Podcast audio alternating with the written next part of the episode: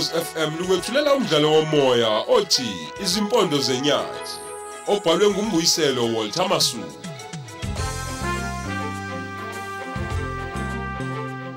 Nasi isiqephu seshumi nanhlanu.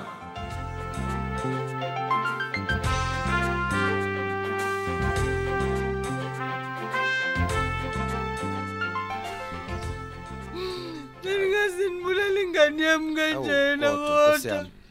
Awu, Kodwa yami. yini isigebengu ingane yami ingakasitshontshe Ngikholisa kakhulu nkosikazi Ngqongo. Mavis bengingabona ukuthi umntanakho bengithi eh, imfene isilwane kathi isigebengu. Awu ehlisa umoya. Ehli ehli a- aninawo amanzi nginiphuzisa amanzi. Hey, ngiyaqolisa kakhulu.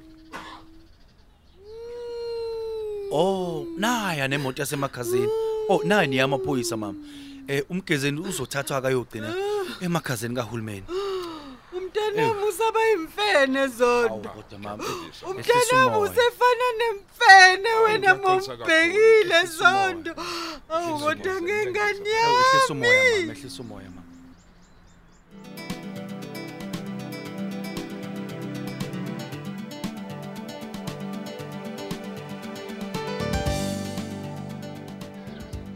Waphansi kangaka Stoffel kwenze njani? Ngisengibulala umuntu lezathi. Usutholeleni ukuthi ubani? Yebo. Umfana kaNgqongo. Awu bakithi. Sangena futhi enkingeni Stoffel. Hey. Singena obishini olukhulu kakhulu this time. That. Hayi. Yazi ke kuloko sivelelwa amaqembu aseParliament. Angasifuni nje futhi ngoba engasifuni. Abantu abamhlophe phela abafunwa lapha emaplazini. Uyazi kuba kuhamba ngentando yami. Ngabe ngiyayihlehlisa yonke lento kube ngathi ayenzekanga. Kodwa nawe Stoffel, usuvela udubule nje umuntu ungasabonanga, ungasabuzanga. Kusebusuku Lizette ngizothini? Inhliziyo yami incane babulela izinja zami ngendlela engayiqondi so bengithi yisela. Kodwa wasifaka ke enkingeni. Ususifakile enkingeni Stoffel. Ubhlungu nje lo mfana usebenza kahle kakhulu lapha eplazini lami he is productive. Yazi sekufanele ke manje sibe nendlela yokuthi sizoyivika sizoyivika kanjani lento. Sizokwenza njani ngempela? Uyazi mangibona unkosikazi Ngqongo ekhala. Ey, ngenxa umntana kashonile. Inhliziyo yami ibebhlungu lokhu ukubabaza. Hawe bakithi usumtshelile yini ukuthi uwena ombulale ngephutha? Useyazi? Yebo uyazi ngimtshelile. Kodwa kufanele aqonde ukuthi ubungahlosile. Yebo, yebo. Futhi ubucabanga ukuthi isigebengu nje.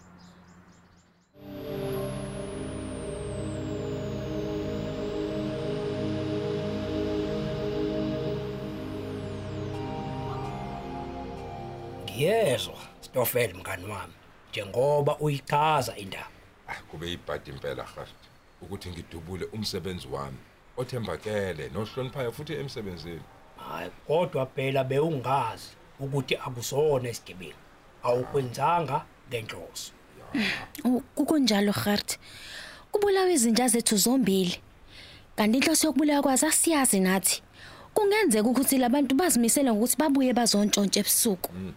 ngizokutela nje Stoffel ukhokhe ibail ka5000 rand ukuze ungalali estokisini sewuyozwa ke usuku lwecala Hayi, angicele uLizette a- aphuthuma ukuyilanda ebank.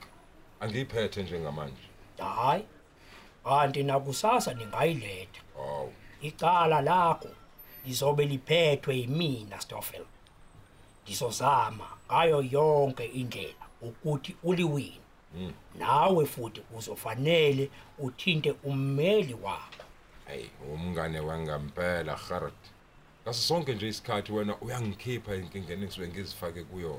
ya ngeke ngikulahle Stoffel ungumuntu wakithi omhlophe njengami ngakunikela kanjani eziteni zethu Uyazi ke futhi thina amabhunu siye sizwe sikhethe uThixo nesibusisekile nje ezweni. yesivaro yes Kufanele sibumbane ngaso sonke isikhathi Gert. Nawe Stoffel. Leli lizwe sisazolibusa futhi. Onjalo Lizette. Akufanele silahlane thina mabhunu. Singabantu abangcono kakhulu lapha eSouth Africa. sisazoyibhada futhi ya desreghard ngizodlula kummeli wami ukwosi njengamanje ngiyomazisa ngalento esengingene kuyona ngizokufonela sihlangane eplazini lami late okay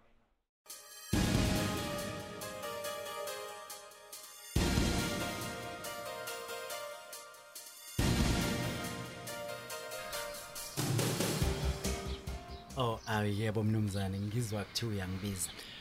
Yebo mthetho. Ubizwa yimini impela. Ngikubizele eh mayelana nodaba lokunyamalala kaMgedeza. Oh eh yebo nduna. Ukhona mhlambe nikuzwayo ngaye. Mm, impela simtholile. Awu awu kwangcono. Ni- Nimthola kukodwa. Hey, simthola eceleni komgwaqo loza la eplazini. Hey. Kona ke ngebhadi. Useshonile. Ha ha hayibo. Usebulawa yini umgedezi kade eziphilela Ay nje ay ay ay ay ay. Lo mfana lo umfana umfana kaNgcongo lo ube nebhadi zole ebusuku ebuye emfuleni kuyokha amanzi.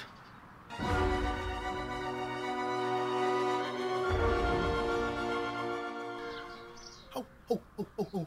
Umnumzane kodwa angayenza kanjani leyo nto ukuthi adubule umuntu eziphathela amanzi nje ngesigubhu ebuye emfuleni. Athi sigebengu bengantshontshela ukuthi umuntu afela amdubule nje kanjalo. Hey, mthetho. Hayi. Mthetho.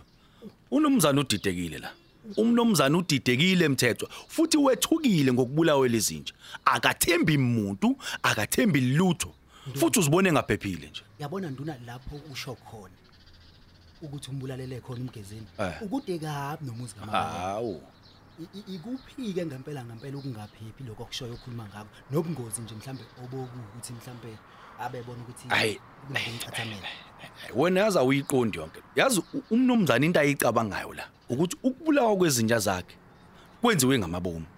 Ukuze noma ungakuthiwa ubani ofuna ukuzontshontsha eplazini angene kalula nje engaphazamiswa yilutho. Hayi, a- hayi ngiyakuzwa nduna kodwa a- hayi angikuzwisisi kahle. Uyabona ke? U- Ubephethe isigubhu esinamanzi kade yokha amanzi. Uzontshontsha kanjani ke umuntu onjalo? wena uyiqondi yonke lento le umlungu phela be- ubengaboni bekuyise ebusuku He, kungani pho engabuzanga kuqala ukuthi ngubani lo? U- Hayi bo, bekumele abuze ukuthi uyaphi lo muntu eplazini hayi ngaphambi hey kokuba file hey hey ngekhaya. hey mthetho bengayona inhloso phela bengayona inhloso yakhe leyo bengayona neze nje inhloso yakhe leyo Nduna, nduna. Uyazi ukuthi akukhona okokuqala la eplazini ukuthi kubulawe umsebenzi. Uyakhumbula ukuthi nakuqala wadubula wabulala unzenga, wathi ubecabanga ukuthi imfene. oh Uyakhumbula? hayi ke hayi ke mthaphuzo kwangathi manje lento usuyithatha usuyibeka ngohlangothi lokuthi umnumzane lento uyenze ngenhloso Inhloso vele. Hey. Vele uyenze ngenhloso wonke Hey. amabhunu a- abulala abantu asebeqedile futhi amabhunu abantu abasebenzi basemaplazini. Ebadubula kanje. Bese acaba azothi eh bebecabanga ukuthi inje. hey wena ukhuluma into ongayazi Hayi. wena mthetho ukhuluma into ongayazi ukube labantu abazibulalanga izinja zomlungu wami ngayikho yonke lento le Ngiyavuma nje ngiyavuma lokho kushoya ngakusana nawe. Kodwa ke unzenga wami dubula singakabulawa ngisho izinja zakhe. lezi. welele wayengaboni phela kwakumnyama ecabangela ukuthi imfene nje Ay ngokwami mina nduna ay lento le yabelungu bayikhonzile abelungu lento yokuthi badubule abantu bathi bebecabanga ukuthi izilwane. Ngokwazi kwami mina ngazi ukuthi abelungu bazikhonze kabo kokuqala izilwane ngeke nje bavele basuke bazozidubula. Hayi. Ungani nxa efanisa umuntu nesilwane bese yamdubula ekugcineni kutholakala ukuthi bekungasizona isilwane hayi. Kulungile wemthetho goduka.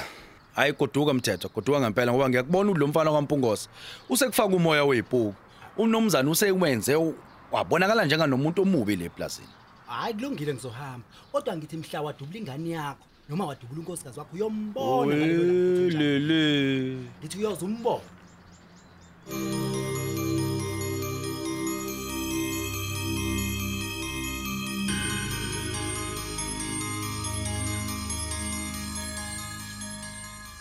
Eh lizosiqeda leli bhunu nyambosi masinganakele. eyi uyazi mfethu namanje mina ngakakholwa ukuthi umgezeni useshonile mfethu. Eh akashonanga umgezeni. Ubulewe leli bhunu ilele silisebenzelayo. Lingaqali ukwenza into enjeni. ngazi kahle mpungose mfethu ngazi kahle. Futhi ngiyitshelile nale ncile banyaleli ibhunu uzonto ngiyitshelile. Eh, Ima i- i- i- ithinike leyo ntibani. Eh, ubungezwa wena. Uthi hayi bekungasiyona inhloso bekuyisebusuku umlungu bengaboni. Izwa nje. Izwa. Aze ngibuza khona. Ukuthi engabe umgezeni ubezama ukuduna imoto yini? Njengoba limqhulule ngenhlamvu ka lambulala kabuhlungu kanje. Lutho mfowethu lalela. Ubezihambela nje eceleni komgaqo Hayi ethethe bo. isigubhu samanzi. Leli bhunuka alizange libuze lutho livele ladonsa isibhamu lamqhulula ngendlaba lamqhulula ngendlaba yazi ukubuhlungu nje ukuthi lento izophela kanje. Angeke aboshwe. Uzolwina nje kalula nje leli cala kodwa ayibebulela umuntu. Hawu phela. Uyazi mfowethu amaphoyisa abasabakaba abalimi abamhlophe. Eyi, abesabaka bawababophi inhloko Eyi, uvele kuphelele nje emoyeni kanjalo nje kungabe indaba zalutho. Hey sebephelile abasebenzi basemaplazini lesi sihluku abanikazi bamaplaza abamhlophe bebabulala ngamabomu befika enkantolo behlawuliswa nje bese kuphela kanjalo. Eyi uyazi khuba mfowethu eyi. Sengiyazisola mina nangokuthi sivumelane njengokuthi sidlise izinja zikamabalengo. U- u- uyisoluthi sivume hey uthini manje? Lalela mfowethu ngizisola impela. Mina awubheke manje sekuze kwafa umgezeni ngephutha. Kade eyokha amanzi lawa avaliwe ngenxa yethu I- imaki manje usufuna ukugibela phezulu kwendlu ubatshele ukuthi yimi ubulela izinjaja kamabalengo cha cha cha cha mfowethu awuyazi ngeke ngiyenze manje pho uthini? Hawu bengisho nje khuba mfowethu ukuthi hayi. eh, iyangithinta le ndaba yokufa kamgezeni mfowethu efela ubala. Pho kungenapho ukudlisa kwezinja zikamabalengo? Hawu mfowethu ukube phela azifanga izinja zikamabalengo amanzi abengeke avala futhi umgezeni lo ubengeke azaphumele ngaphandle kweplaza ahamba ayokha amanzi le emfuleni. Yazini? Wemthaphuza mfowethu. Mthaphuza mfowethu. Ngithi thula-ke manje ngoba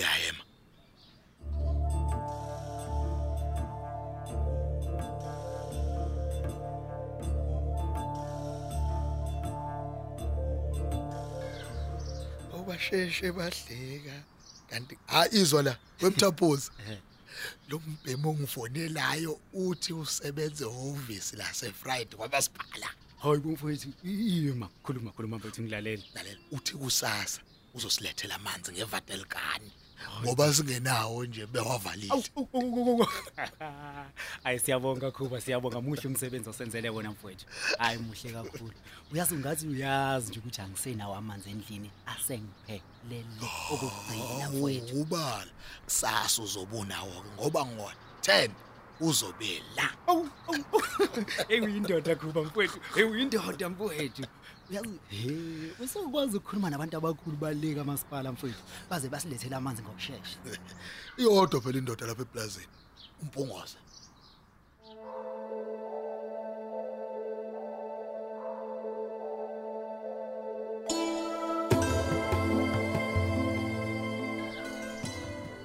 Stoffel. Namanje usacabanga le nto kaNgxoko. Stoffel, Lizet ek is baie jammer. Ek ek ek is in gedagtes. Ngiyacabanga la. yini kodwa ucabangani? Ingiphethe kabi indaba yokufa komfana kaNgqoko. Stoffel. Sekwenzekile love. Angeke futhi kusashintsha lutho. Kodwa into efanele nje ukuthi sibhekane nalesi simo esiphambi kwethu njengamanje. Ya, ngiyakuzwa mngani. Sokwedlula love. Okwenzeka kwangeyona inhloso yakho kwakuyiphutha nje. Kona kunjalo. Nami bengazi ukuthi ngidubula umsebenzi wami. Futhi ngeke uboshwe Stoffel. Uharth umngani wethu. Mhlophe futhi njengathi. Ya, Angeke akwehlisa isithunzi, ayokuvalela estoksini angeke. Angiboni. and that Lizet ngiyazi, ngiyazi. Ngizoba nawe sithathe kuzona konke izinto zo ezobe zizokwehlela. Hle nje nasebubini my love. Zobe ngikhonela ukweseka sithando sami. Esibaya liferio yazi. Ijabule ukuthi yangeseka.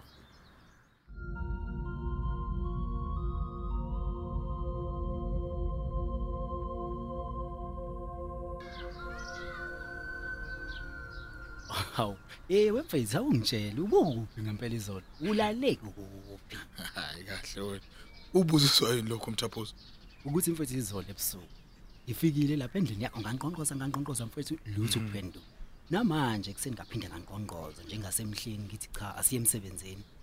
Lutho kuphendula mfethu hawu yazi ngize ngahamba. Hey uyayithanda indaba mthaphuza yezo hayi indoda ayibuzo. Ubukwamashanga Awu nakho kusuqalile. Ngoba nje izolo ekseni ungibone khona okusho ukuthi sengilale khona futhi namhlanje. hayi hayi mfethu bengingasho lokho cha ngiyazibuzela nje A- awungitshela iqiniso kuba mfethu Yeah. ingabe wena nomashange seniyathandana yini phela Yimi uba ukutshela lokho. awu bengithi sekunjalo U- uyazi nawe mnganami ukuthi ngiyamfuna loya muntu wesifazane A- awungikhulumele naye phela mfowethu I- Yini? Eh uyabheda wena uyezwa? Eh eh, ngithi uyabheda. Yangizwa? hawu mfowethu Hey, ngi- ngiweshelela uhlezi uhlezi wami. U- u- Uyazi u- uyazi uyachwenza namthaphuza.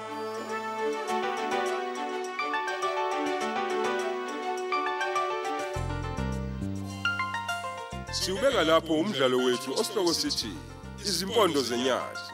Qinisekisa ungaphuthelwa isiqephu esilandelayo ukhozi FM.